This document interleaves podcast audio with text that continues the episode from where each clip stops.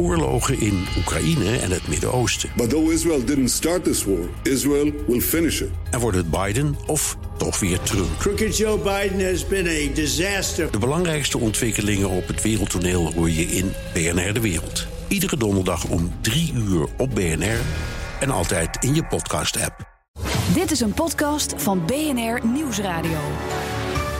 Hartelijk welkom bij de Technoloog-aflevering. 83 zijn we inmiddels. 83 al. Herbert, welkom weer. Ja, Ben van den Burg, welkom. We moeten het eerst hebben over de grote data-podcast Roadshow, de GDPR-podcast die jij maakt. Ja, eh, dankzij Microsoft. Dus Microsoft maakt het mogelijk. En daardoor mocht ik met Aleid Wolfs praten. En dat was heel boeiend. Hij vertelde op de eerste dag dat eh, Nederland kreeg 50 klachten binnen. En Finland bijvoorbeeld. Hij was bij de Europese leiders die dat doen. 500, dus tien keer zoveel. Hoe dat komt, dat eh, horen we allemaal in die podcast. Maar dat is natuurlijk al boeiend. Een andere hele boeiende, hij heeft een prioriteitenlijstje. Dus bijvoorbeeld als jij medische data verzamelt of de overheid, weet je dan, en dan had er nog een paar. ehm, oh ja, als je geen, ehm, eh, eh, als je geen eh, weet je, data protection officer hebt, weet je, hij kijkt naar bepaalde prioriteiten die hij eerder aan gaat pakken en die hij minder snel aan gaat Ja. pakken. Mijn totale gevoel was dat het dat het best nog. Je hoeft niet zo bang te zijn. Maar dat is misschien mijn gevoel. Dus ik zou luisteren. Want dan heb je zelf het idee van. hey, Ben heeft geen gelijk hoeveel. Maar dat was mijn idee. Ja. Nou, ja, we gaan beginnen. En eh, ja, wij hebben te gast Gerbert Smits Gerbert Smits van 10XL, dat klopt. van 10XL. Ja. Wat is 10XL? 10XL print vanuit, vanuit gerecyclede plastics printen we functionele modellen.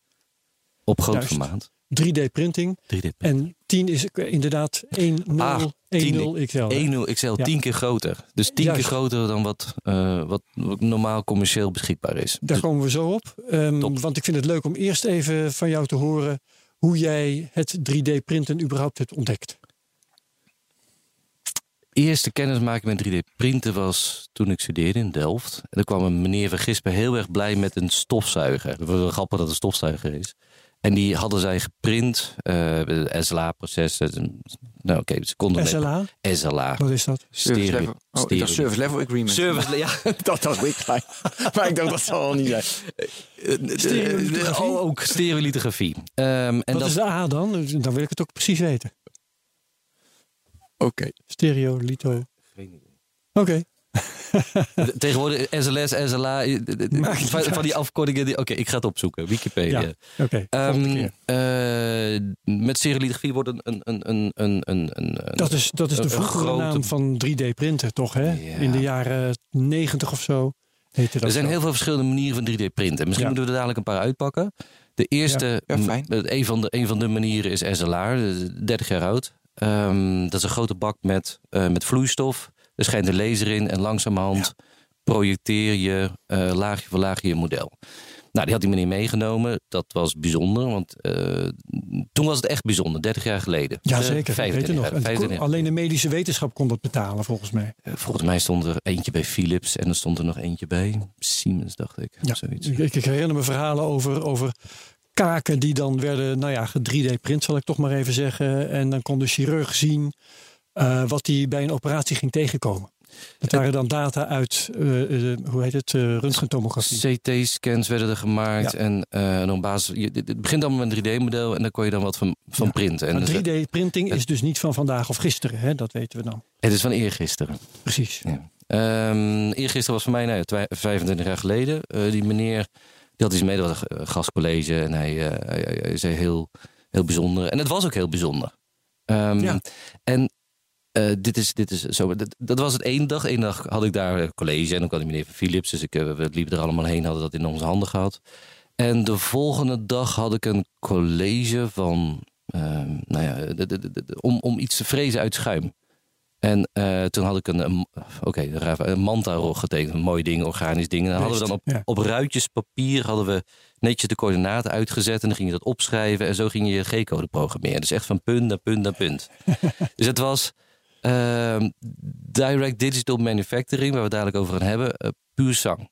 Ehm, je, je had, het, de ene dag hadden we hadden 3D printen. En de volgende dag hadden we frezen. Het was niet 3D, het was 2D frezen eigenlijk. Maar die, die combinatie. Ja, 3D-printer is eigenlijk dat je, dat je opbouwt wat je nodig hebt. En vrees is weghalen wat je kwijt wilt. Precies. Ja. En ehm, nou ja, 25 jaar later hebben we die twee technieken gecombineerd. Maar 3D printen is dus oud.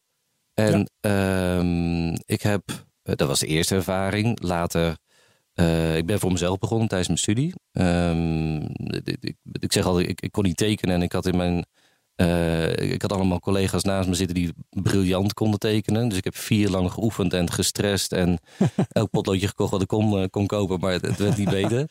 Ehm, maar mijn ontmoeting met een, met een computer, dat- op een gegeven moment kwam er een, eh, de, de Pentium 60. Ik weet niet of dat het uh, oudere publiek nog wat zegt. We hadden een Pentiums. Ehm, eh, Pentium dat- 60. Dat, Een Pentium 60, dat was mijn eerste computer.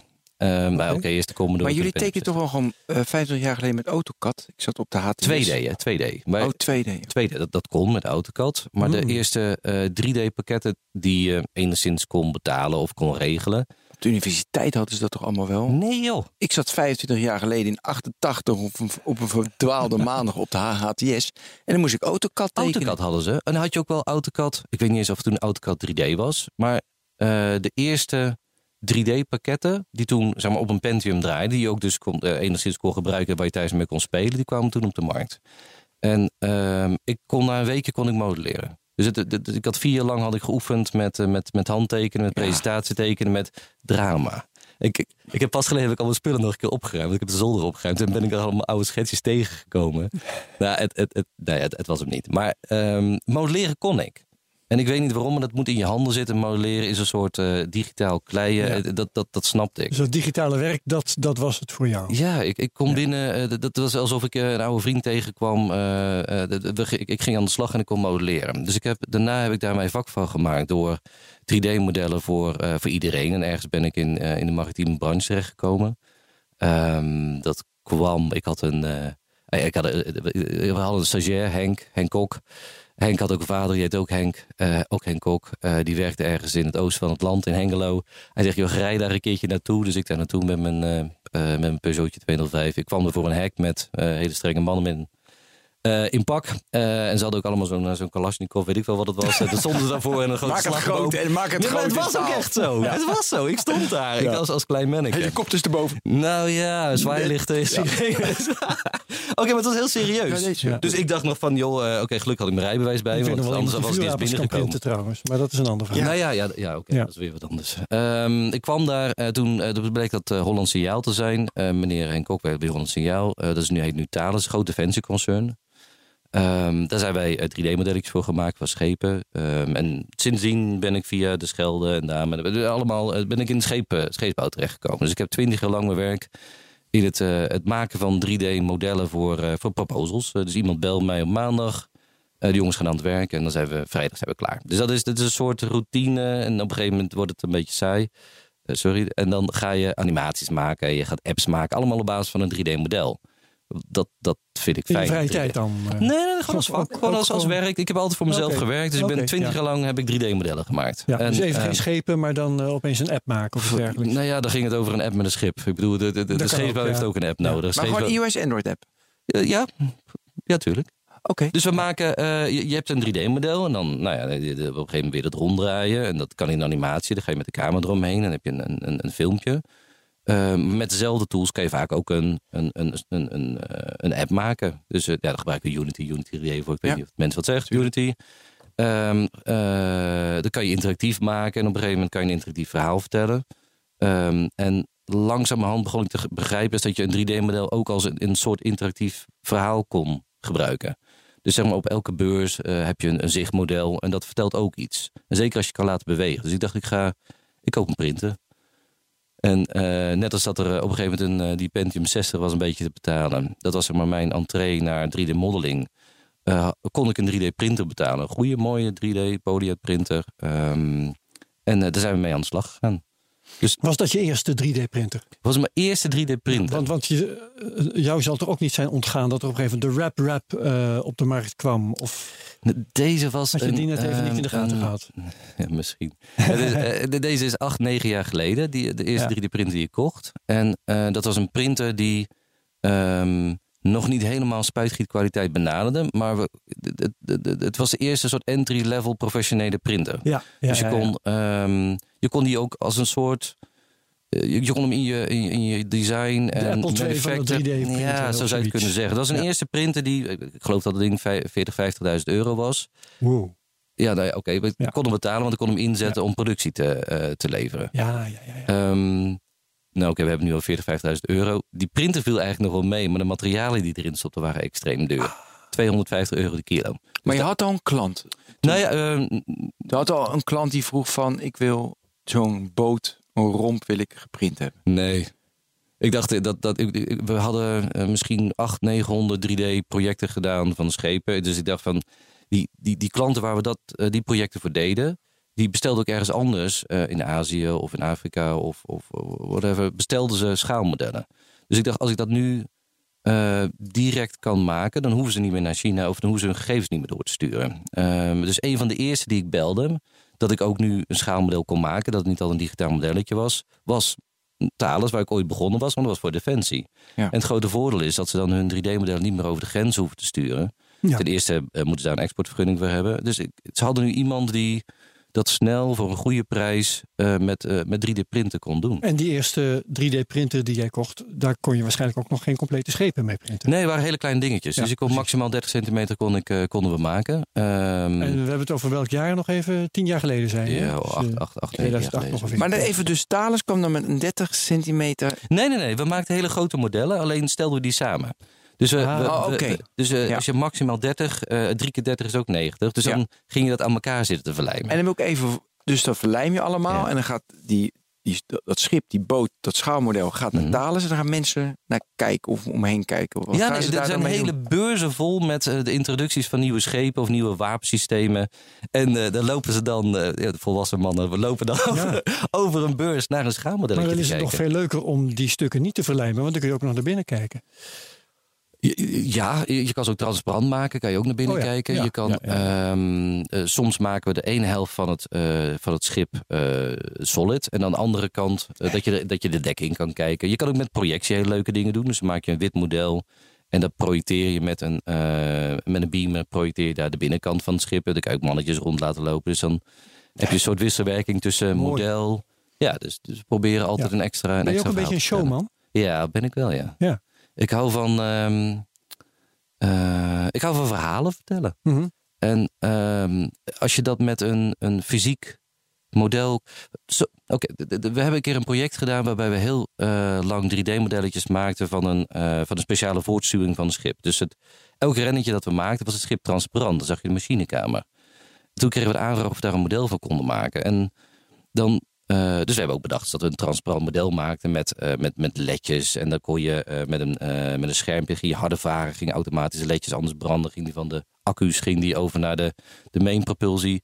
En dat is ook een soort van verhaal vertellen. Van, ehm, En of je dat nou in animatie doet of in een, of in een schaalmodel.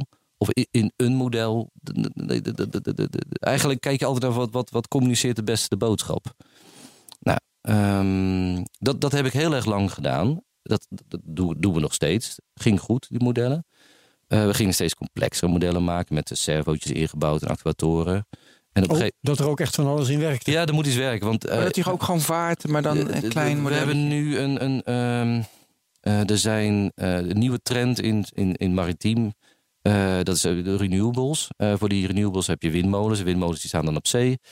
Ehm, en om op die windmolen te komen, ehm, moet je. Nee, het schip beweegt en de windmolen staat stil. Dus dan moet je een soort eh, trap hebben die de beweging van het schip compenseert. Dat noemen ze motion compensated gangways.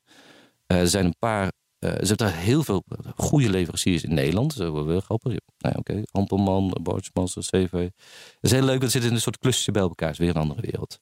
Ehm, eh, hoe kom ik erop?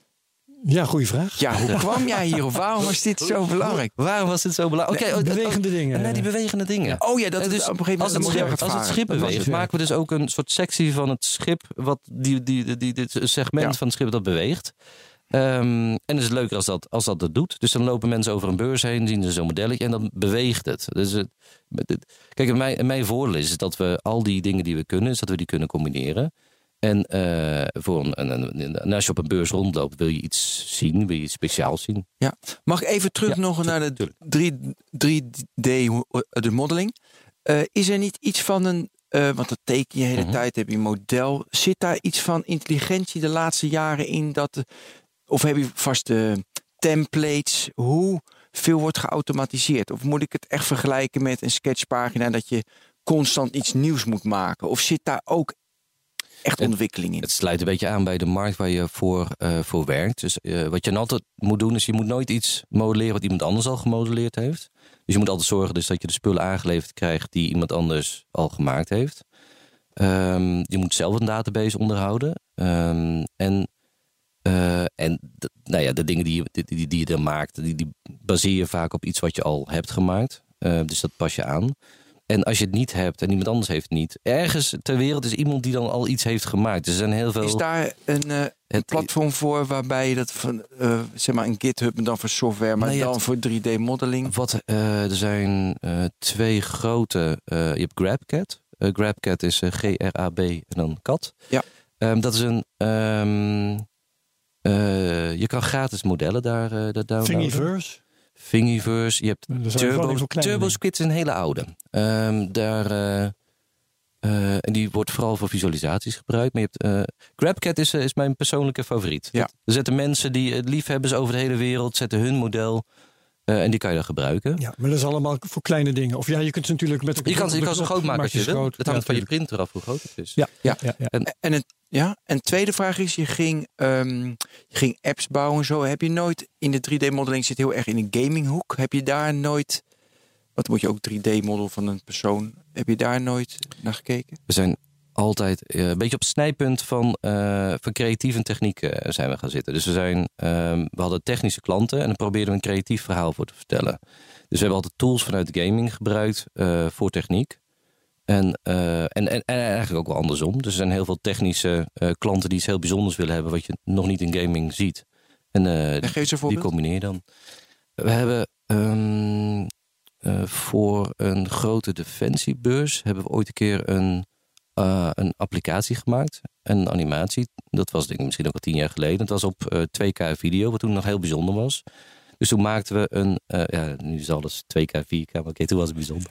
8K. Hey, oh, oh, oh, wat leven, ja. 16. V- v- Vroeger, vroeger. Ja, En, ja. eh, en toen werden daar eh, eh, op die beursvloer waren mensen scenario's aan het spelen. Dus met een, eh, een soort een hala-achtige omgeving. Dus het zat met eh, hardware in de loop. Dus je had een, een soort game was je in het spelen op de fysieke, echte hardware die je ook in commandocentrales gebruikte. Dat was wel heel bijzonder. Ja. Ehm, en dan gebruikten we dan weer eh, de tools die we daarvoor gebruikten. waar- kwamen weer uit de gaming-industrie. Dus zo zijn we altijd bezig geweest van... Soms lees je iets uit het een, soms lees je iets uit het ander. Dat is, Ja. Oké. hoe, eh, hoe komen we op groot formaat printen? Eh, hoe we daar nu terecht gaan komen? Ja. Nou, doordat ik jou ga vragen van... eh, Hoe komen- wanneer vroeg nou eindelijk eens iemand... eh, of jij iets ontzettend groots Of, kon of gaan tien maken? keer groter kon. Nou, ehm, Zonder dat nou te gaan verlijmen, want dat was, was dan waarschijnlijk geen optie. Nou ja, dat was de allereerste. Er was een, eh, we werkten voor, eh, voor een rederij. De rederij eh, liet, eh, liet vroeger schepen in, eh, in Nederland bouwen. Was het duur geworden, zijn ze naar China gegaan. Ehm, een van de dingen die we in Nederland heel goed kunnen is eh, mooie schepen bouwen die heel complex zijn. Nou, die hadden ze niet direct nodig. Ze hadden wel mooie schepen nodig, maar de complexiteit, oké, iets minder. Konden ze in China laten bouwen. Alleen een Chinese werf is niet heel erg bedreven in eh, het vermarkten van hun schip. Dus eh, een, een, een Nederlandse werf die zorgt altijd dat al het presentatiemateriaal erbij zit. Dus dat de leuke animatie erbij zit. En de Chinees die die wil gewoon een heel goed schip voor nou ja, een laag mogelijk bedrag bouwen. Ehm, dus toen, eh, die rederij die was toen bij ons terechtgekomen. Zeiden we, eh, oké, we laten het in China bouwen, maar kunnen jullie wel het marketingmateriaal maken? Nou, prima. Dus wij dat gemaakt. Zij dat spul naar eh, China doorgestuurd. En het leuke was, er zat een, een Italiaans ontwerper bij die rederij. En die wilde ook mooie schepen maken. Ja. Dus het schip werd elke keer toch weer iets anders. Ze lieten ons weer een mooi model maken. En dan werd het naar China doorgestuurd. En er zat daar een naval architect. Die behartigde eigenlijk belangen van die werf. Die werd het een beetje zat. Dus is die bij ons op kantoor gekomen. Wie die, nou ja, wie die gasten daar uit, eh, uit Schiedam waren. Om te kijken hoe dat, hoe dat nou zat. Eigenlijk kwam die om te zeggen dat we daar mee moesten stoppen. Want we werden helemaal gek bij die werf. Ehm, maar eh, het was een, nou ja, een beetje stroef gesprek op kantoor. Maar daarna hadden we, hadden we meegenomen naar de werkplaats. Waar ze al die 3D-printjes lagen en al die modelletjes. En toen draaide hij, toen draaide hij totaal om. Maar dat vond dat, dat, dat was. Dat, hij had al- weer iets, hè? Ja. Hij, had, hij, hij kon het vasthouden. ja, het was, ja, ja. je toch zien hoe belangrijk dat is. en ergens zag hij dus ook dus dat we niet die bij de hand de mannetjes waren, maar dat we ook een soort van scheepsbouwers waren. Dus toen herken, herkende dat. En eh, ik heb natuurlijk ook klanten die tien keer iets veranderden. En dat zag je dan in onze kleine modelletjes, zag je dat ook terug. Dus het was langzaam werd het steeds geanimeerde gesprek. En toen, ehm, eh, toen, toen, toen was hij even stil. We we hebben tien seconden gewacht. En, en, en, en- dus ik zeg, "Joh, wat is er? En hij zei, kan je dat ook groter maken, die modellen? Dus we printen alles. Er lag een, een, een klein kascootje van... hoe eh, groot waren die modellen? nou, langzamerhand Ja, werden, ze, werden ze meten. Dus Een eh, meter. we- we- die, die, printers die we hadden werden steeds groter, een meter groot. Dus toen vroeg ik hoeveel groter. Nou, hij zei rond de 10 meter. Dus uiteindelijk was het 10 keer, 10, ik zei 10 keer groter. 10 keer groter wat normaal commercieel beschikbaar was. En ehm, nou, meestal zeg ik ja, dat is prima. Dus dat gaan we dan doen. Gewoon standaard ja zeggen. Standaard. Ja, en daarna ga je het weer bedenken. proces in. Maar hij, hij, hij verwa- hij- het was ook alleen maar het antwoord dat hij eh, verwachtte, ja. Ehm, Ja, maar dat is ook Aziatisch. Het, ja, dat is standaard. Eh, Ja. Ehm, mijn risicoprofiel is ook iets, eh, nou ja, iets anders dan, eh, dan gemiddeld. En ik, vind dat, ik vond het een leuke uitdaging. En hij had waarschijnlijk het idee dat ik ooit een keer met een oplossing zou komen. Nou, die vraag is denk ik vier jaar geleden. En dan blijft het een beetje in je hoofd. Dus de- het eerste wat je doet is de aller, allergrootste printer eh, zoeken die dan op dat moment, eh, op Ja. dat moment beschikbaar is. Ik bedoel, dat is het makkelijkste. Hè? Ik bedoel, commercieel beschikbaar, twee meter. Dus ik denk, als ik nou vijf delen aan elkaar plak, dan is dat, eh, ehm, dan is dat ook 10 meter. Dus nee, we hebben geprint, idee. Nou, zijn we naar. Er zit een. ehm, Even tussendoor, hè. Was, was zijn eis toen ook al dat het een eh, functioneel schip zou worden? Nee, een, een prototype. Dus eh, sorry, prototype. is een, eh, hij vroeg dat omdat hij. ehm, eh, hij had in, eh, eh, in, in, in Southampton gestudeerd. eh, bij een instituut, dat heet een, een, een, towing tank. Een towing tank, daar worden schepen getest voordat ze gebouwd worden. Nou, die schepen zijn. eh, een normaal schip is eh, zeg maar 100, 200 meter. Dus dan eh, maken ze daar een model van, wat ongeveer tussen de 10 en 14 meter is. En hoe groter dat model, hoe accurater. En ook, ze slepen dat model door een bassin heen. Ja, ja, ja. Oké. Oké, dus eh, en dan kijken ze naar het, eh, het golfpatroon, het water en dan, Ja. nou ja, dat. Maar ik heb nog steeds dat. ja, oké. Ja? Ja, we gaan zo door. Maar, maar dat, kan, dat moet nog steeds worden gebouwd. Dat kan niet in de computeranimatie. En je verandert tuurlijk. alle En eh, dat heet variabelen. CFD-analyse heet het. eh, Computational Fluid Dynamics. En daar berekenen ze. ehm, vroeger werd elk model gesleept. En eh, als je dan tien iteraties had, gingen ze tien modellen bouwen. Nu wordt alleen de allerlaatste iteratie wordt gesleept. Dat is een soort validatie van de computerberekening. En ik denk soms wel eens dat het gewoon puur gaat om het filmpje. Oh ja. ja, dat ze het even willen, even willen voelen. Er staat een cameraatje, maar die, eh, zo'n, eh, zo'n, zo'n test is toch vaak tussen de 50 en 150.000 euro. Dus het is ook nog wel serieus. Maar je moet denken is dat een ehm, eh, schip is tussen de 50 en de 100 miljoen. Ja. Dus dan is zo'n test Ja. nog te doen. Ehm, en vaak doen ze het ook als soort verzekeringspolis. Dus eh, het, het wordt getest. Eh, een werf eh, heeft een, een bestek, heeft het getekend en daar moeten ze aan voldoen. En als ze daar niet aan voldoen, dan, dus als het schip niet zoveel knopen gaat waarbij een bepaald brandstofverbruik, moeten ze boetes betalen. Mhm. En zij, het is voor hun een soort verzekeringspolis voor het niet betalen van de boete. Dus ze willen liever dat er zo'n test gedaan wordt dan dat ze toch een keertje verkeerd zitten. Ja. Ja. Ehm, nee, Oké, die man uit Southampton, daar gestudeerd. Eh, toen is hij naar China gegaan. En hij werkte ook bij zo'n instituut. Hij zegt, we hebben dat eigenlijk min of meer hebben dat instituut uit Southampton gewoon gekopieerd. Zit- Het staat nu in China, dus, maar dan mooier, beter en groter. Het enige wat elke keer anders is, zijn die modellen van die schepen. En ze hebben, daar hebben we toch een beetje moeite mee. Dus zouden jullie dat voor ons kunnen printen? Dus vandaar dat de, dat de aanvraag kwam. Dus het is een Ja. prototype van een schip van rond de 10 meter. Ehm, dus 5 keer 2 is, 5 keer 2 is ook 10 meter. Ehm, er zit ook zo'n eh, instituut in Nederland. Het heet Marin, heel goed instituut. Staat hoog aangeschreven. Ik daar naartoe gegaan en gezegd van... joh, weet je, ik ga dat voor jullie regelen. 5 keer 2, 2 is ook 10 meter. En eh, toen kwamen ze met de eisen waaraan dat echt moest Oh. voldoen. Wacht. Ja. Het, is, het is niet waar wat je zegt. 5 keer 2 is niet 10 meter, want het gaat eh, natuurlijk 10 keer zo groot alle kanten op. Het gaat alle... Ja, dat is zo. Het is in, dat, dat is ook zo. Je hebt in alle kanten heb je iets... eh, eh, Dus, dus als een stuk van 2 meter in de lengte, dat kan 4 meter zijn in de breedte. Gelukkig is een schip langwerpig. En dat is een hoogte. dus, dus als je een Ja. twee meter hoge... De, printer die misschien. Blijkbaar ging het, want je hebt het gedaan. De printer, nou ja, nee, we hebben het niet eens gedaan. Want zij zeiden al van, nou ja, als je zo'n model op deze manier aanlevert, kunnen we het niet gebruiken. Dus ze hebben het Mhm. over accuratesse en over eh, Ja, temperatuurcoëfficiënten. en, ik en- zit te denken, is het Mhm. materialen? Want eh, eh, mo- een model waar je dat van maakt, dat dondert niet zoveel. Maar als het een functioneel schip moet worden, Als het dan moet het wel de materialen het, het hebben van een model, is- schip. nou, toch is het model extreem belangrijk. En, ehm, eh, en voor, eh, het materiaal is heel belangrijk voor het model ook. Want het moet extreem accuraat zijn. Dus als het bijvoorbeeld een paar graden warmer wordt, dan zet het model uit en dan klopt het niet meer. Dus je Maar hebt dat een, materiaal is ook het hetzelfde. moest overeenkomen met dat van... ze gebruiken nu Abachi hout. En Abachi heeft een soort temperatuurcoëfficiënt van bijna nul. Dus Ja. als je dat maakt, dan blijft het ook precies die vorm houden. Dus, ehm, dus dat originele idee van eh 5 keer 2 meter eh, en dat is goed en we kopen het grootste wat we kunnen kopen. Dat lag dus een klein beetje weg. Maakt niet uit, want ik had wel een dag daar rondgelopen en ik had bekeken hoe ze dat allemaal aan het doen waren. En eh, dat abachi hout, dat stapelden ze eigenlijk.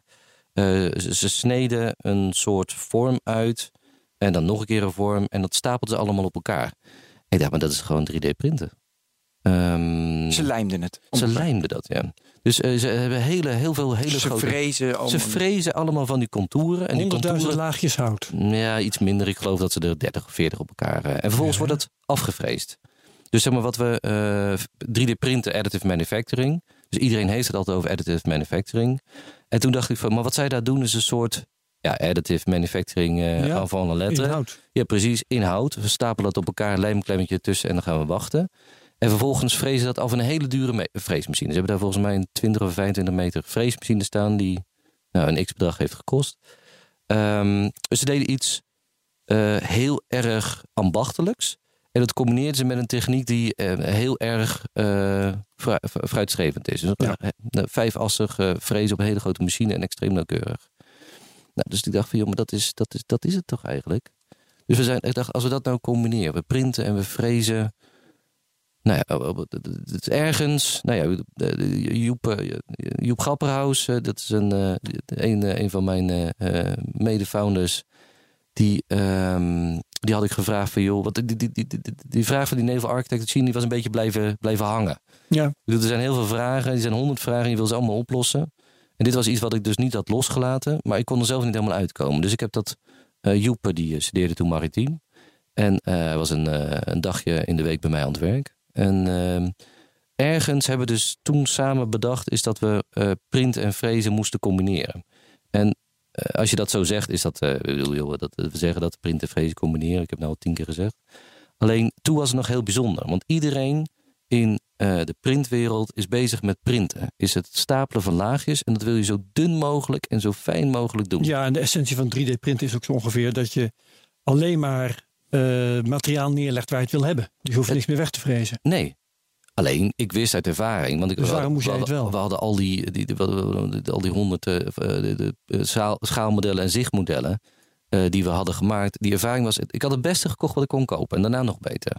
En eh, uiteindelijk had ik toch een werkplaats waar mensen zaten te schuren. Zoals je hebt, eh, bij, eh, bij- de grote Shapeways, Materialize. ehm, en Materialize heeft een hele grote fabriek Ja. in dacht Tsjechië. En dat doen ze omdat daar de arbeid goedkoper is. Van de mensen die zitten te schuren. Maar Ja, nee, dus bij de 3D-printen moet je altijd nog schuren. Je moet- Hey, je ja. ziet altijd laagjes. het is nooit echt mooi. Nee. En eh, hoe beter je machine, hoe fijner de laagjes. Maar hoe fijner een laagje is, hoe langer je moet wachten. En wij wilden juist hele grote modellen gaan maken. Dus dan moesten we extreem lang wachten. Dus ik dacht dan van, ik heb nu... eh, Dus ik heb eigenlijk een soort robot schuurmachine nodig. En dat was eigenlijk een vrees. En is die, vrees. vreesmachine bestaat al heel Ja. lang. Dus wat ik vertelde aan het begin, ik had eh, 20 jaar, 25 jaar geleden, toen ik studeerde, had ik het ene eh, college had ik een eh, meneer van Philips die een geprint model had. En de volgende dag had ik een college van iemand die uit schuim iets aan Ja. het frezen was. Ja. Dus ergens, het heeft bij mij 25 jaar lang geduurd voordat ik bedacht is dat je print en frezen moest combineren. Nou, dus wat, je, ehm, en wat we nu doen is een soort. eh, we printen extreem snel met hele dikke lagen. Dus iedereen wil zo dun mogelijk, maar wij, wij willen zo dik mogelijk. Want dan ben je lekker snel klaar. Ja, welk materiaal? Eh, we zijn begonnen met ABS, ABS Carbon. En eh, dat is een heel Dat ABS ken ik, dat is gewoon een soort plastic. ABS Wat voegt carbon eraan toe? sterkte en stijfheid. En, ehm, en printbaarheid. Maar het, het klinkt als carbonfiber, maar dat is het niet. Hè? Want dan zou je niet kunnen printen. Ja, maar het zijn eh, allemaal hele kleine vezeltjes. Hele van kleine vezeltjes. Tussen de 2, 3, Ah, 6 millimeter. Maar dus Dus, eh, niet wa- wat je, wat je wel eens ziet met, hoe heet het ook wel, vezelversterkte composieten. Eh, dat je een of ander eh, mat hebt als het ware die je in kunststof giet. Dat, is, het- dat kan het moeilijk zijn. Het zijn allemaal hele kleine eh, stukjes fiber. Ja, Chopped nee, fiber goed, het is het. wel een, een soort pasta die dan stolt, zeg maar even. En, het is misschien ook wel goed om. ehm, eh, meestal het materiaal wat mensen met 3D-printen gebruiken, komt uit een draadje, filament. Dat is eigenlijk de FDM-manier van printen. Dat is ongeveer de, de bekendste manier van printen. Eh, dat is ook de goedkoopste manier. Ja. En dan extrudeer je een. een je, hebt, een draadje, dat, dat aan het, eh, bij je nozzel smelt je draadje. En dan ga je eh, een, een vlak be- be- beschrijven. En elke keer gaat jij. je tafeltje gaat een beetje omlaag en dan Ja. ga je met je filamentje ga je nog meer schrijven. Zo stapel je laagjes op elkaar van een, van een draadje. Ehm, wat wij doen is ongeveer hetzelfde, alleen hebben we geen draadje, maar hebben we granulaat. En granulaten zijn korrels en die korrels komen uit de kunststofverwerkende industrie. Eh, daar hebben we voor gekozen, omdat je dan een enorme eh, breedte aan type materiaal hebt. Want iedereen, de hele wereld is uit kunststof gemaakt. Het is allemaal Ja. plastic. En dat granulaat, want eh, dat is een van de thema's van, van jouw bedrijf. Dat is in feite al waar je recycling thema begint, hè? Nou ja, het is, ehm, wij dachten van, ten eerste wilde ik, eh, eh, ik, ik betaalde vroeger 250 euro de kilo voor Ja. mijn printmateriaal. Ja. Ik dacht, nou, dat moet afgelopen zijn. ja, Dat is, dat is een soort, eh, dat want is hoeveel een, kilo weegt zo'n schip? ja, nou ja, een schaalmodelletje of een prototype van 10 meter betekent een duizend kilo. Dus duizend keer een Ja, bedrag. nou, heb je dat, een kwart miljoen te ja, pakken. precies. Dus dat Ja. schiet niet op. Dus je hebt een ehm, filament is ook duur. En granulaat zit ergens tussen de, nou ja, tussen de 1 en 15 euro de kilo. Ja, Wat- dat is gewoon afval. Het granulaat, nee, het granulaat is een grondstof. Voor, voor, voor wat je normaal gebruikt. Dus wij wilden, dus we hebben niet, onze eerste, ons eerste idee was: oké, we gaan dus eh, printen, frezen combineren. En het printen doen we uit granulaat. Granulaat, granulaat zijn gewoon de korrels waar ze eh, normaal spuitgieten mee maken. Dus alles wat, wat je om je heen ziet, wat in massa wordt ge- gefabriceerd, wordt gespuitgiet. En dat gespuitgiet, eh, dat, dat begint met korrels. Dus eh, je, je, je verwarmt die korrels eh, en vervolgens pers je dat in de matrijs. Ehm, en die korrels eh, die zijn veel goedkoper dan het standaard printmateriaal. Dus wij dachten, we gaan met korrels gaan we printen. Nou, dan hebben we een extruder. Die extruder die is heel groot, twee meter lang. Die korrels gaan door die extruder, worden ze verhit. En dan gaan ze door een slang naar een robot. En op een gegeven moment is die robot aan het printen. Ja. Ehm, het idee van zo'n prototype is dat het maar heel beperkt wordt gebruikt. Dus je, je hebt het, andere, het is een testding. En daarna, zoals, het, oké, zoals nu de prototypes werden gemaakt uit hout, gingen ze dat testen. Ehm, het is nog confidenti- confidentieel ook. Dus dan eh, moest het vernietigd worden. Dus ze testen dat. Confidentieel, dat is... eh, Eh, Ja, dus niemand mocht weten. dat begrijp ik, dat Nee. begrijp ik. Maar dat, Ja, wat sorry. mocht niemand weten? Dat, Hoe de vorm Ja, van het schip is. Want die, dat is, Juist, die is extreem het belangrijk. model zelf is dan... Ja, dus dan is het. Ja, een, maar tot eh, 150.000 euro, dus zo'n, weet je, was het. En dat gooiden ze weg. gooien ze weg. Maar ja, voor een boot op 150 miljoen. Ja, Oké, de, volle- ja, precies. de volledige test. Dus dan heb je het model plus de test en de analyse en het advies van hoe dat beter kan. Ehm, maar het moest wel vernietigd worden. Dus wij dachten van als we nou zo'n prototype printen, eh, we vrezen het af. Alles wat we wegvrezen gooien we weer in de printer, dus kunnen we hergebruiken. Ehm, vervolgens wordt het naar een, zo'n, zo'n, zo'n testfaciliteit eh, gestuurd. Mhm. Ehm, dan gaan ze het eh, een paar weekjes gebruiken. Ja. We nemen het weer in, we schredderen dat. En dan gaan we dat bronmateriaal gaan we weer als, nou gaan we nieuwe, nieuwe Ja. testbootjes van maken. Eigenlijk komt dat vrezen ook omdat het printen niet zuiver genoeg is. Precies. Als het, En ehm, printen, printen is ook niet het antwoord op alles. Ehm, het, het printen wordt een klein beetje gehyped. Eh, dus zeker ook de laatste een jaren. beetje eroverheen, heb ik het Oh, gevoel. sorry. Nee, Ehm, we zijn over die hype een beetje heen. We oh, zitten zijn we een eroverheen? Ja, dat gevoel heb ik En- me misschien niet. Ja, dat denk ik ook wel. Ehm, Ja, eroverheen. Ergens hebben is. ehm, de, de- het moet zijn, zijn weg vinden in de echte wereld. Dus niet meer. eh, dus dus dat, dat je ook echt dingen om je heen ziet die geprint zijn. En Nou, dat, dat zie je vond ik zo mooi. Nou, dat klopt. Ik was zo blij met die huizen een paar weken geleden in Eindhoven. Dacht ik, ja, Nou ja, het is, het is iets tastbaars. Van, dus je ziet wat, wat, wat gemaakt kan worden. En ehm, je ziet het, als je het in een bebouwde omgeving ziet, is het nog leuk. Want je kan er gewoon langs rijden. Je hoeft niet eens, het is- het is voor iedereen zichtbaar. En, ehm, maar ook dat zijn nog prototypes. Eigenlijk moet eh, 3D-printen nu de stap maken van het maken van prototypes naar het maken van echte functionele modellen. En dat, Ja, dat zou ik jou eigenlijk vragen. Kan, kan ik nu eh, eigenlijk een, bij jou een jacht bestellen? Dat jij niet voor, voor mij een model maakt van 10 meter, maar een jacht van 10 meter. Dat kan. Dat kan. Dat kan. Dat is nu mogelijk. Ja. Hoe lang is dat al mogelijk? Het eerste ehm, model van een zeilschip wat we hebben gemaakt is Lezen, 4 meter 20. En daar hebben we vorig jaar op de Dutch Design meegestaan. En dat was een object. Het was nog 4,20 meter. Het was, het was hol. Het was vooral om te laten zien hoe groot we konden printen. En eh, dan kreeg Dat was uit één stuk. Dat was uit één stuk. Ja, we Dat kunnen is nu tot weer- 6 meter. Maar eh, jij zou nu een boot, een varende boot, die ik kan kopen, zou jij kunnen printen. We hebben een optimistje geprint. Een optimistje En, geprint. het, eh, en dat, is meer, dat is een 2 meter zoveel eh, zeilbootje waar iedereen Ja. op kan leren zeilen. ja, dat is een leerzeilboot. Een leerzeilbootje. En dat, dat, dat, dat, kan je En is- kopen. dat kan je kopen. Is die goedkoper dan of beter? Wat, waarom is dat niet massaal op de markt? Ehm, Want je gaat er niet vol mee door. Je zit meer in je modellen. Dus is iets Nee, de, niet de- goed de is. modellen zijn, eh, we zijn langzamerhand. Toen, toen we die printer hadden gemaakt, en die hebben dus voor Daar heb je modellen. speciaal een printer voor gemaakt. Ja, oh ja, ook, we hebben de printer gebouwd. Ja, dat is ook leuk. Hij, Ja, om te hij- weten. hij was er nog niet. En Ja. ehm, toen zijn we gaan kijken. Dus nou ja, de, de, de, de, de commercieel beschikbare printers voldeden niet. We moesten naar 6 meter en we moesten eigenlijk veel groter. Dus we hebben een, eh, oké, een robot. Eh, we hebben een track eh, gekocht. ehm, en eigenlijk hebben we van alles bij elkaar wat we konden, konden ritselen, hebben we bij elkaar gezet en hebben we allemaal geïntegreerd. Ja. Software voor eh, gekocht, aangepast, software voor geschreven. En nu hebben we één grote omgeving waarbij de robot, de track, het werkbed en de extruder geïntegreerd zijn. Ehm, dat is een, de eerste versie die we hebben gemaakt is 6 meter. We willen naar 10 en we willen daarna naar 20. Ehm, die 6 meter, die is best groot. En op een gegeven moment kwam eh, iemand van Gispen en die zei van... Goh, eh, je kan wel 6 meter modellen, maar volgens mij past er gewoon zes keer een bankje op, die, eh, op dat werkbed voor jou. En dat klopt ook, want een bank is ongeveer 2 meter lang. En die past er niet in de lengte. Maar als je die in, nou ja, z- zes op een rijtje, dan heb je ook een groot werkbed. Dus het is een soort... ehm, en daarmee hadden we, wat we eigenlijk helemaal niet realiseerden. We dachten dat, we een prototype printer hadden gemaakt.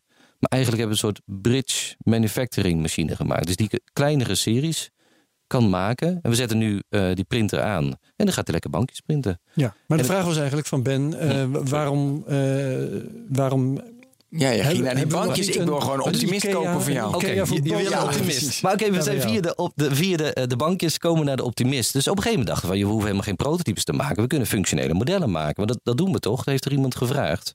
Nou, dan komt de oude liefde en kennis van schepen komt weer terug.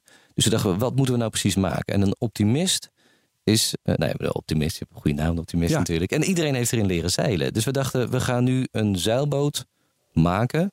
Gaan we printen. En het voordeel van... eh, een, eigenlijk een, een huidige optimist wordt van polyester gemaakt. Ehm, schepen worden van, eh, van polyester, ze worden van staal, van aluminium. En het minst duurzame is polyester. Je maakt iets van polyester. Ehm, nou, ten eerste, het, het, het is goedkoop. Hoewel, aan de andere kant, je een mal nodig. een licht? Het is licht, het is sterk, het is stijf. Mhm. Maar om het te maken heb je eerst een mal nodig. Dus eh, voor je eerste product is een heel duur product. Pas als je er een paar honderd van gemaakt hebt, begint het betaalbaar te worden. Ehm eh, vervolgens ga je zeilen en dat is een fantastisch leven. En op een gegeven moment ben je het zat, want je bent die, eh, je bent die optimist, ben je een beetje ontgroeid. En dan ligt het bootje daar. En het enige wat je mee kan is... Op marktplaats zetten. ja, Ja, het nadeel is alleen, eh, als je nu op Marktplaats kijkt... je ziet hoeveel polyester optimistjes er staan. ik denk heel veel. Heel veel. En uiteindelijk moet je er wat mee. Want zelfs een polyester optimistje gaat een keer kapot. Of de, de, de, de, de mensen hebben er geen zin meer in. Of, of, mensen hebben je er... er naartoe werkt dat hij in de shredder gaat. Precies, in de shredder en dan printen we hij- uit. Daar gaan we naartoe. Hij gaat niet. Die polyesterboot kan niet in de shredder. Nee, maar dat is het nadeel. Maar jij hebt nu een systeem. Wij hebben een systeem. Dus wij Juist. printen met een thermoplast. Ja. En het voordeel daarvan is, als je hem zat bent, gooi je hem door de shredder en Dus- print je wat nieuws. en dan print je een, Ja, nieuwe, een grotere een boot. Een grotere. We hadden net iemand, eh, Wacht eh, Ja, twee maar- optimisten. Ja, precies. Hij gaat nou weer door, maar wij zitten nog. Twee optimisten is één lezer. Ja. Ja, precies. Oké. Ja. Maar wa- waarom kan je die nu bestellen op jouw site, die boot? Hij is nog iets te zwaar. Maar luister eens, dan, dan, Oh, heb je, oké. dan heb je twee boten, of je hebt één boot.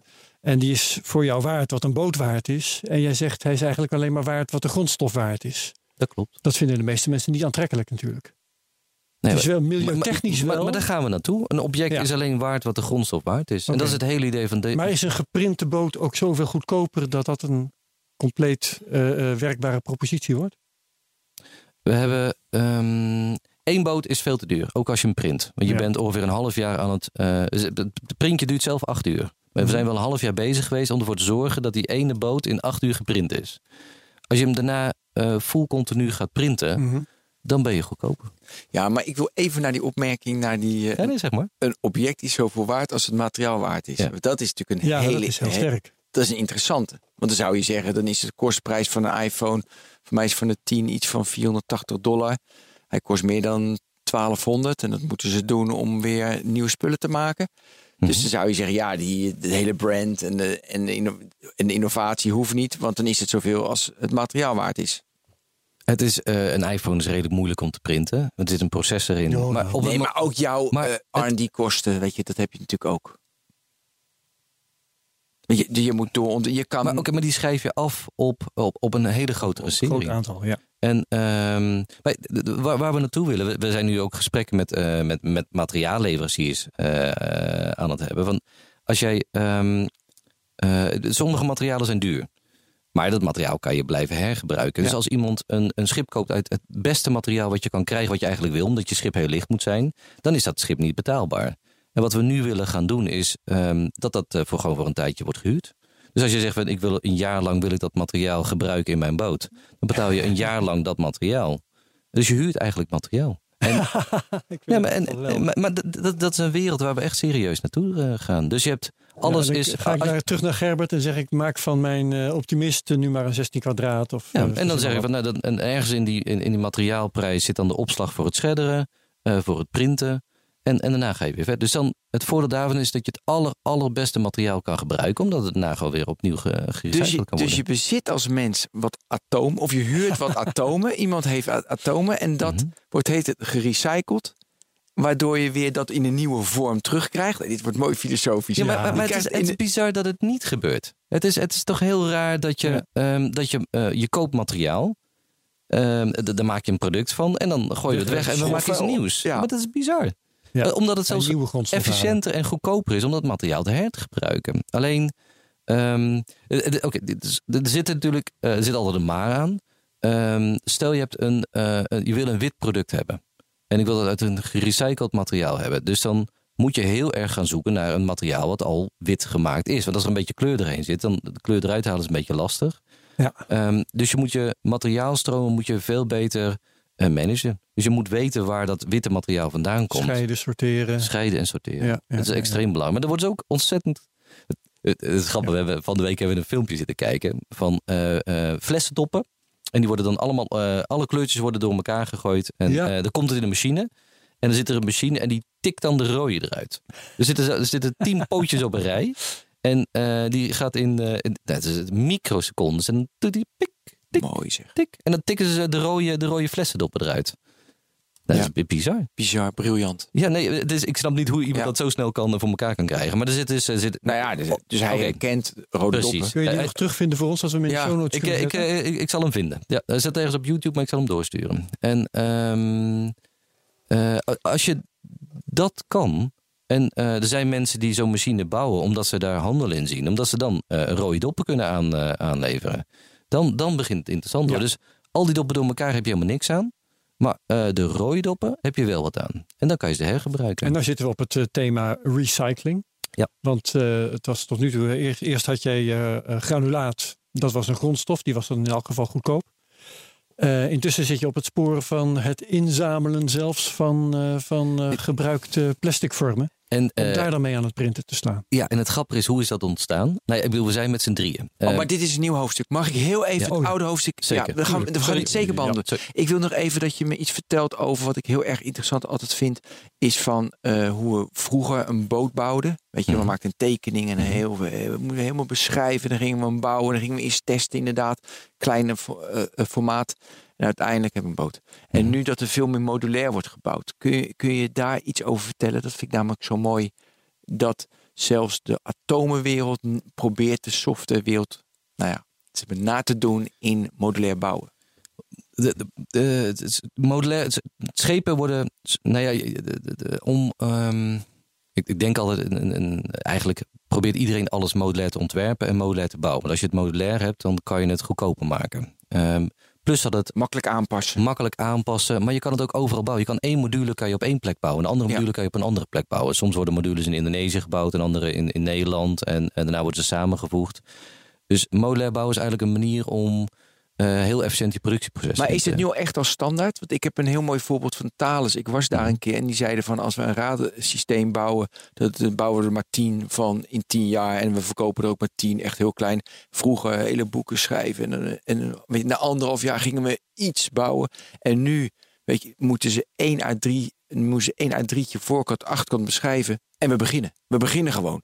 En dat vond ik met een radensysteem, met zoiets groots, dacht ik, dat is knap dat je zo agile, weet je, durft te bouwen. Ja, ze, hebben, ehm, eh, ze hebben een nieuw platform uh, tijdens de, de NS-reeks. Dus je hebt, ze zijn begonnen met de NS200, hebben ze de NS100 en nu gaan ze de NS50 introduceren. En dat kunnen ze zo snel ontwikkelen, omdat het... Ja, wat is dat NS100? NS dat is paaltype radar. En oh, ja. uh, ze kunnen, het bestaat uit platen.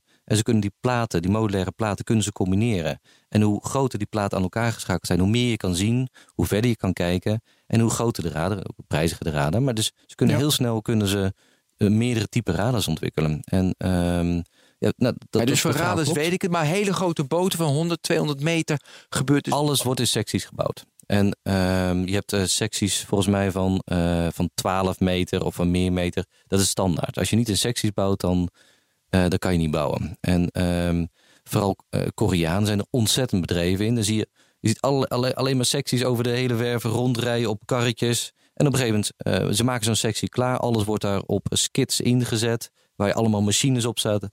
En, en op een gegeven moment worden ze, die, die, die secties worden aan elkaar gereden. En iemand last dat. En, uh, en, en, ze zijn oh, klaar. Gaat het dan ook met 3D-printing, wou ik vragen. Maar dat, als het ze zijn trouwens ook heel ver met 3D-printen in, in Korea. Omdat ze ook daar heel veel... Uh, uh, ze, ze, ze, denken in modulariteit en in sectie. En op de een of andere manier sluit 3D-printen daar wel bij aan. Ja, ben jij, ben jij een wereldpionier? Hoe zit wat jij doet, hoe verhoudt zich dat tot wat er in de rest van de wereld gebeurt? Nou, ik, het, het, om terug te komen op het optimisme. Ik denk niet dat iemand ter wereld dat optimisme kan printen zoals wij dat doen. Nog een vraag over het optimisme. Wanneer heb je die wel in de winkel liggen om het heel erg plat te slaan? De webshop van hm. uh, 10XL. Nee. Of, of, is dat niet rendabel? Dat kan ook. Hè, maar... We zijn, uh, we zijn met een, een optimisme wordt dus nu uit composiet gemaakt, polyester. We zijn uh, nu een jaar of anderhalf bezig met een composietbedrijf. Niet voor een optimisme, maar voor een ander product. Um, zij hebben ons uh, een soort taakstelling uh, gegeven. En zeggen, als je zo snel kan printen en als je dus zo snel kan frezen, dan, uh, dan betekent dus dat, onze, uh, dat, dat we het ook kunnen gaan printen. Dus dat we niet meer uit composiet hoeven te gaan maken. Ja, tuurlijk, ja. En daar gaan we langzaam naartoe. En hopen dat we het einde van dit jaar dat we uh, dat, dat, dat kunnen realiseren. En dat ziet er heel goed uit. En als we dat kunnen, dan zijn we dus bij 8 uur productie per dag zijn we 10% goedkoper. Um, bij 16 uur uh, zijn we 38% goedkoper. En bij full continu zijn we 52% goedkoper dan de huidige uh, composietproductie. En de kwaliteit neemt ook zo af, of de kwaliteit neemt toe? De, uh, dan, de, de, taakstelling is, is dat het dezelfde stijfheid en dezelfde, dezelfde sterkte heeft als dezelfde kwaliteit als de, composiet, ja. de composietproducties. Ja. Mooi. Ja. Recycling. Recycling, ja. ja. Inderdaad. Want uh, de aanleiding voordat we nu hier bij elkaar zitten, dat was een uh, bijeenkomst onlangs uh, georganiseerd door de Plastic Soup Surfer, Merijn Tinga. Ja. Uh, die actie voert tegen zwerfafval en zo. En uh, nou ja, daar, daar, kwam ik uh, vanwege persoonlijke belangstelling. En jij zat daar omdat jij en, tegenwoordig het kunt doen met gerecycled plastic. Nou ja, en ik zat daar niet alleen. Ik zat daar met Linda. Linda is, we zijn met z'n drieën. Jouw collega. Joep, Linda en ik. En, um, en eigenlijk is het antwoord Linda. Hoe komen we op recycling? Um, zij zag al heel snel in het begin is dat wat wij deden een circulair proces was. Ik vond dat we gewoon heel praktisch en efficiënt bezig waren door dat materiaal te hergebruiken. Maar zij, uh, zij zag dat dat uh, cradle-to-cradle productie was. En um, zij heeft dat gecommuniceerd en mensen hebben dat opgepakt. En uh, langzamerhand streven we ernaar om elk project wat we doen, om dat met een gerecyclede kunststof te doen. En ik, ik heb ook nou ja, het, het, het, we zijn toch filosofisch bezig. Um, ik, ik, ik, vertel dus over printen. Uh, dat print ik ook. Uh, ik vertel thuis over printen. Ik heb een zoontje van zeven. En die vindt het ook heel normaal dat je met een grote robot kan printen. En Joep is zijn held, want Joep beheert de robot. Dus uh, Oké, okay, dat is heel standaard. Hè? Dus gewoon Leuk, ja. printen. En ik was aan het vertellen dat we een petboot aan het printen waren. Um, ik, nou oké, okay, de volgende dag. Uh, mijn zoontje die heeft dan een skelter, een nieuwe skelter gekregen. Die maakte een rondje. Ook geprint? Had, uh, nee, niet geprint. Okay. Nee. Um, en hij had uh, drie petflesjes meegenomen. En ik vond dat ongelooflijk. Dat, um, dus langzamerhand heb op ik straat zelf, gevonden? Op straat gevonden. een ja. beetje rondgereden, drie petflesjes. Want we waren dus ook met pet. En, ehm, ja, want dat is een vraag die ik dan heb. Uh, gerecycled, of, of ja, uh, zwerfafval, dat is rijp en groen door elkaar. mhm. Dus Hij had, hij heel slim geselecteerd ook. En het, het viel me op, is dat hij drie petflesjes had met allemaal een blauwe dop. Ja. Dat, ik weet niet of hij het voor elkaar heeft gekregen of dat het puur toeval was. Ja, maar hij heeft de rode, eh, weet je wel. Hij heeft de rode heeft hij laten, Laten liggen. Ja, dus hij dacht van, anders, anders, te maken. anders is het veel te moeilijk. Nee, ik, was- ik super trots. Ja, ik was heel trots.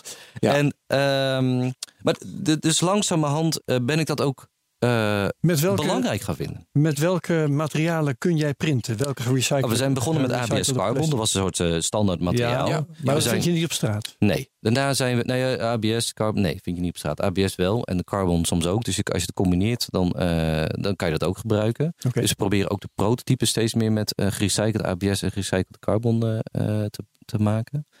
Eh polypropyleen. Polypropyleen is een, een, een, een, extreem wijdverbreide kunststof. Heel veel dingen worden uit poly, Alles wat je in je auto ziet, je dashboard, alles wat van kunststof is, is bijna van polypropyleen. Kun je het makkelijk De herkennen? bumpers. Ja, Want, ik, ik eh, kan, hè, ja. Als je, als je, eh, wat, wat, wij, wat wij thuis in die zak gooien. Want wij bij in onze gemeente moeten wij dus eh, plastic en, en blik in een grote zak doen.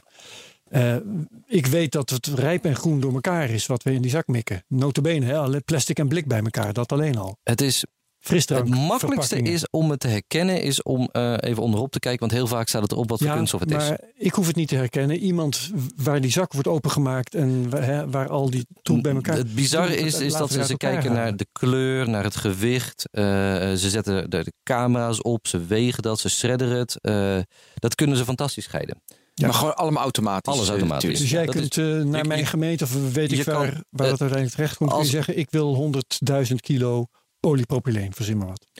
Uiteindelijk worden eh, de, de, de, de, de- de- de plastic wat je, eh, wat je weggooit, dat wordt ingezameld. Ehm, als ze daar een best voor doen, kunnen ze het scheiden. Mhm. Volgens mij al 30, 40 procent van het plastic kan, eh, wordt, ge- wordt gerecycled. Ehm, en eh, dat eh, gaat dan heel mooi in vakjes. Ja. En eh, soms, eh, soms eh, drijft het en polypropyleen goed, drijft en ABS. Maar je kan het dus kopen. Dan kun jij dus gewoon Je op de kop kan tikken. gerecycled kunststof kan je kopen. En Ja. ehm, ik had eh, de, de, de- de- ik heb vandaag een discussie gehad met iemand die dat niet wilde gebruiken voor een, eh, voor een eh, omdat hij eh, voor een spuitgietproces, omdat hij dacht van dat gerecyclede kunststoffen dat is anders en ik kan die kwaliteit niet garanderen. En dat is echt onzin. Iedereen, als je goede gerecyclede kunststof, een gerecyclede kunststof, dan kan je opnieuw weer compounderen. Dus daar kan je nieuw granulaat van maken. Dan kan je opnieuw testen. Ja. En dat, dat is te doen. Maar ze sorteren het op soort. Sorteren ze het ook al meteen op kleur? Of moet dat dan later nog eens gebeuren door degene die het gekocht heeft? Eh, je kan dat op kleur, op, op ook je begint bij soort, eh, dan ga je eh, naar kleur kan. Ehm, het mooiste is om eh, de stromen, bijvoorbeeld, eh, je hebt eh, het bedrijf heet Coolrec, Coolrec zit in Dordrecht en zij recyclen koelkasten. Oké. En de voordeel van de koelkast is dat ze bijna altijd wit zijn. Cool is C-O-O-L? C-O-O-L-R-E-C, Coolrec. Oké, Coolrec. En ehm, ze hebben dus een hele fabriek die alleen maar... Nou oké, ze doen ook wel meer. Ze doen ook televisies. en Ze doen volgens mij nog wel ander speel. Maar hun, daarom heet het ook Coolrec. Hun focus is op koelkasten. Ja. Ehm, dat is wit. Tenminste, 9 van de 10, misschien nog wel meer. 99 van de 100 koelkasten zijn wit. dus het voordeel is dat zij wit polystyreen kunnen aanleveren. Ehm, alleen de, de laadjes in de koelkast die zijn vaak transparant. Transparant, ja. En van ABS. Dus hebben ze een aparte stroom voor. Dus ze kunnen ook Ja. transparant ABS kunnen ze aanleveren. ja. En het, eh, het, het mooie is, is als je dus niet alles op één hoop gooit, maar dat je. ehm, eh, het, het, het allermooiste is natuurlijk dat de, fabrikant zelf verplicht is om, het, eh, om zijn, zijn, zijn, zijn, zijn eigen product weer in te nemen. Want hij weet dan exact welk kunststof het is. Ja. Ehm, dat, is dat is het mooiste, dat is het makkelijkste. Ehm, dus dat is ook een manier om dingen te recyclen. Maar uiteindelijk, als puntje bepaald komt, s- producten zijn te recyclen. Ehm, en daarna moet je dus kijken van wat is het. Dus dan moet je weer gaan testen. Eh, daar heb je een lab voor nodig. En dan bepaal je sterkte, stijfheid, wat zit er precies in. Wat is de, eh, de, de MFI, zeg maar, hoe, hoe makkelijk stroomt het, bij welke te- temperatuur smelt het. Eigenlijk de, de specificaties, en dat zijn maar een paar Waar, testen. MFI, waar staat dat voor? Flow index. Oké. Ehm, dus, dus hoe makkelijk stroomt het, dus hoe stroperig is het, de kunststof. Ja. Ehm, en dan kan je weer gebruiken. Eh, Gerbert, ik vind het heel mooi, want dit willen we allemaal. Hoe, hoe snel gaat dit nu allemaal? Hoe, dit, weet je, dit hoort natuurlijk al lang, een theoretisch verhaal, de groei. Ik, ik, ik heb me in de afgelopen weken ge- eh, gerealiseerd Mhm. is dat eh, eh, eh, nu zijn gerecyclede kunststoffen goedkoper dan eh, virgin materiaal. En ik denk dat gerecyclede kunststoffen duurder gaan worden. Want ehm, het, is, het, het, het vertegenwoordigt waarde dat het gerecycled is. Dus nu is het een soort, het wordt beschouwd als afvalproduct. Maar ik denk dat alle gerecyclede kunststoffen, als je dus het, ehm, het, het, eh, het labeltje gerecycled erop, eh, erop kan stempelen, dat betekent dus dat het duurder kan zijn. Maar gaat de markt dan niet meteen kiezen voor de goedkope variant, namelijk nieuwe spullen, nieuwe, nieuw Nee, materiaal? het, het, heeft, het vertegenwoordigt marketingwaarde. Dus eh, je hebt eh, Q, Q, QCP. Een spannende voorspelling. Ja, maar dat gaat gebeuren. Ja, kijk eens, hoe, ja, kijk eens hoe goed ik ben voor de wereld. Ik neem een ge- gerecycled product. Ja. En, daar en daar betalen sommige Ja, mensen maar en, voor. en heel veel overheden eh, die zijn nu eh, tenders aan het uitschrijven. waarbij ze verplicht stellen dat een product credo to credo geproduceerd wordt. Dus als jij dat kan bewijzen, Ja. is dat jouw, eh, al jouw materialen gerecycled zijn. dan vertegent dat meer waarde. Dus, dus die vraag naar gerecyclede kunststoffen gaat groeien. En de waarde dus ook. En het, ehm, en het klopt ook wel, want je hebt extra handelingen ja, nodig. extra handeling. Dus, ehm, maar als wij allemaal willen is dat, het, eh, dat, dat de plastic niet gaat drijven, dan moet het dus weggegooid worden in, in, een, in een afvalbak in plaats van, eh, van buiten. Ehm, en dan, dan moeten we daar iets mee gaan doen. Dus dan moeten we dat gaan scheiden, dan moeten we dat opnieuw gaan schredderen, dan moet dat opnieuw geannuleerd worden. Dus dat vertegenwoordigt meer waarde. Ik, ik zie hier gelijk die foto, was volgens mij een foto van de week, twee weken geleden bij de NRC. Weet je, zo'n rivier waar die kinderen aan wonen. Alleen maar plastic. Dan denk ik, ja, kan- Vreselijk. vreselijk, kansloos. Ja, maar dus, dus als jij dus kan laten zien dus dat jij een kunststof Ja, dan, gebruikt. doe je- dan hebben die Dan- kinderen schone water. Ja. Oké. en, eh, Maar wat mijn vraag was, want het is best wel ver weg. Weet Ja. je, Statiegeld. Statiegeld, weet je. Ja, maar dat kan ongelooflijk snel gaan. Dit, wat ik, eh, eh, QCP, QCP is een eh, bedrijf wat gespecialiseerd is in het recyclen van polypropyleen. Eh, dat is onlangs gekocht door Suez en Lyondell Basel. En ehm, zij zien er ontzettend veel in. Dus dit is het eerste. Dus Lyondell Basel is een hele grote kunststoffabrikant.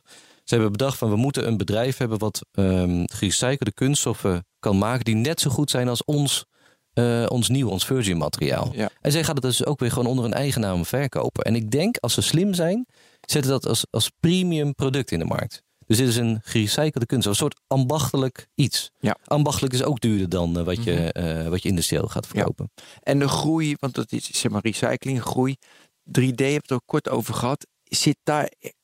Ik, ik had het idee dat het een beetje nu down is in de hele hype. Zie jij daar wel groei? Is het meer nu industrieel? Of nog steeds ook voor Ja, de, de- fun? De, de, de komende eh, jaren gaan, eh, gaan printers zo goed worden dat ze eh, industriële producten kunnen gaan maken. En dan, ik heb ooit een keer een, een, volgens mij in 2040 verwachten ze dat 50% van de producten geprint wordt. En ehm, ja, dat, dat, dat denk ik, ja, waarom niet? Dat is heel logisch. En wat is bij 10XL, want jullie hebben dan de recycling hoog in het vaandel staan. Wat is bij jullie het aandeel van gerecycled materiaal? Is dat al 100 Eh, eh, misschien 95%. Ja, ja, ja. ja. En ehm, dan heb je altijd, eh, je hebt verschillende typen. Je hebt eh, industrial waste en eh, consumer waste. En het liefst gebruik je Ja. consumer waste. Is dat zo? Nou ja, omdat dat In industrial waste is toch veel, veel mooier en veel schoner en veel beter beheersbaar. Maar voor het, eh, eh, voor het goede van de wereld gebruik je het liefste eh, consumer waste. Ehm, omdat je daar, vind ik, de grootste stappen mee kan maken. Het makkelijkste is om industrial waste te kiezen. Ja.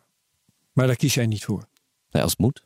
Ja. Dus je, je hebt gewoon een, een, een soort rijtje met, eh, oké, eerst de consumer waste. Eh, dat zijn flessendoppen die, je, die verschept worden, waar je direct mee gaat printen. Je wil ze niet meer componeren, maar gewoon direct met de doppen weer gaan printen. Ehm, kan dat niet? Nou, ja, kunnen we een variant kiezen die dan al gecompoundeerd is. Ehm, eh, misschien dat iemand, nou, als je dat niet kan vinden. Dat is trouwens ook nog best moeilijk om te vinden. Gerecyclede kunststoffen. Gerecyclede kunststof. ja, maar het is dus, er is, nee, langzamerhand ben ik eh, bezig met het plan om een soort spotmarkt voor gerecyclede kunststoffen te beginnen. Dus de- de- als, als ik nu zeg, ik wil 75 kilo eh, polypropyleen met talk wat gerecycled is. Nou, ik bel een compound en Je- zeg, maar ja, dat, dat is er niet. En je hebt daar geen vast adres voor. Je Nou moet ja, elke keer weer zoeken. Je bent aan het zoeken, ja. Oh, dus het is geen hele transparante markt. Dan is er inderdaad een gat in de markt Ja. voor zo'n... eh, Ja. Voor een platform. Ja, en als ik die prijzen zie per kilo, denk ik inderdaad dat is een gat in de maar markt. dat is, dat is handel. Waarom begin je dat zelf niet dan? Ja, dat gaan we doen. En, maar het is natuurlijk heel raar is dat je eerst waren begonnen met Ja, dat, maar Ja, dat nee. valt me ook op. En optimist Nee, maar we en zijn- printen en nu ga je naar een platform voor Ja, recycled. ik, ik, kijk, ik bedoel, ik ben dit... eh, Jouw eh, leven is één groot avontuur.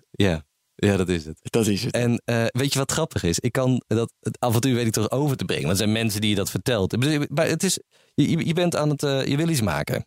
En dan heb je materiaal nodig. En ik, we verplichten ons bijna om gerecyclede kunststoffen. Nou, dan ga je bellen. En hoe, hoe- waar is dat? Hoe lang duurt het? Welke stroom heb je dan? Hey, wat een getop allemaal. Je wilt toch een soort marktplaats Ja. voor gerecyclede kunststof hebben? Alsjeblieft, eh, wilt u, hoeveel wilt u? Komt in orde. Ja, maar, en, en het Ja, de voor- geme- maar wat is nu de afzetmarkt van de gemeentes? Dat zal dus ook een zootje zijn. Nee, denk ik dan. Soms weet ik niet eens waar ze het laten. Of waar, waar- wat doen ze daar dan Voor mee? mij Of flikkeren hoe- ze alles uiteindelijk weer op een hoop. Ze gaan het selecteren en dan flikkeren ze van joh, die gasten joh. Maar toch, is, toch is dat niet zo. Het wordt, vooroordelen. echt- het, wordt, wordt toch wel een hoop gerecycled. En mensen zijn er heel goed mee bezig. Maar het, is, Nee, het, de het komt consument dan, wel. Maar kijk, als je nu een eh, virgin materiaal wil kopen, een nieuw materiaal, dan bel je een reseller en dan eh, kan je dat, eh, als ze het op voorraad hebben, kan je dat eh, direct komen halen. Maar dat, dat is dus niet met gerecyclede kunststof, omdat die kanalen anders zijn. Ehm, Er is ook niet een reseller voor. ehm, nou ja, als je er wel is, dan moet hij bellen, want dan ben ik geïnteresseerd. Ja. Maar we- wat, we nu aan het doen zijn, is we willen een, een, een, een, een, een, een- een platform opzetten voor gerecyclede kunststoffen. Ik vind het heel raar dat het nog niet is. Bij bedoel heb ik honderd ideeën, dus misschien blijft dit hangen. Maar het, het, iemand gaat dat doen. Ja. Ja. Dat weet ik zeker. Want het- dan wordt het zoveel makkelijker. Dus, eh, dus voor iedereen die luistert, als ik het niet ga doen, laat iemand anders het doen, want dan kan ik daar ook gewoon bestellen. Het leven wordt een stuk makkelijker. We moeten er gewoon weer ophouden, anders wordt het nog leuker. Ja. Heb jij nog wat? Nee, het is goed. Ik vind het fantastisch. Leuk. Dankjewel.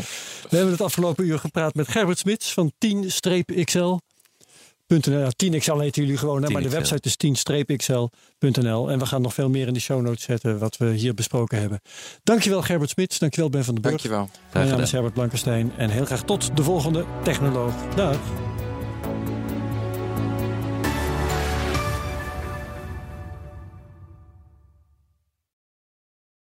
Ook Diana Matroos vind je in de BNR-app. Ja, inderdaad. Je kunt live naar mij luisteren tijdens de Big Five. Ook handig in de BNR-app. Breaking nieuwsmeldingen, maar ook het allerlaatste zakelijke nieuws. En je vindt in de app alle BNR-podcasts, waaronder Wetenschap Vandaag. Download nu de gratis BNR-app en blijf scherp.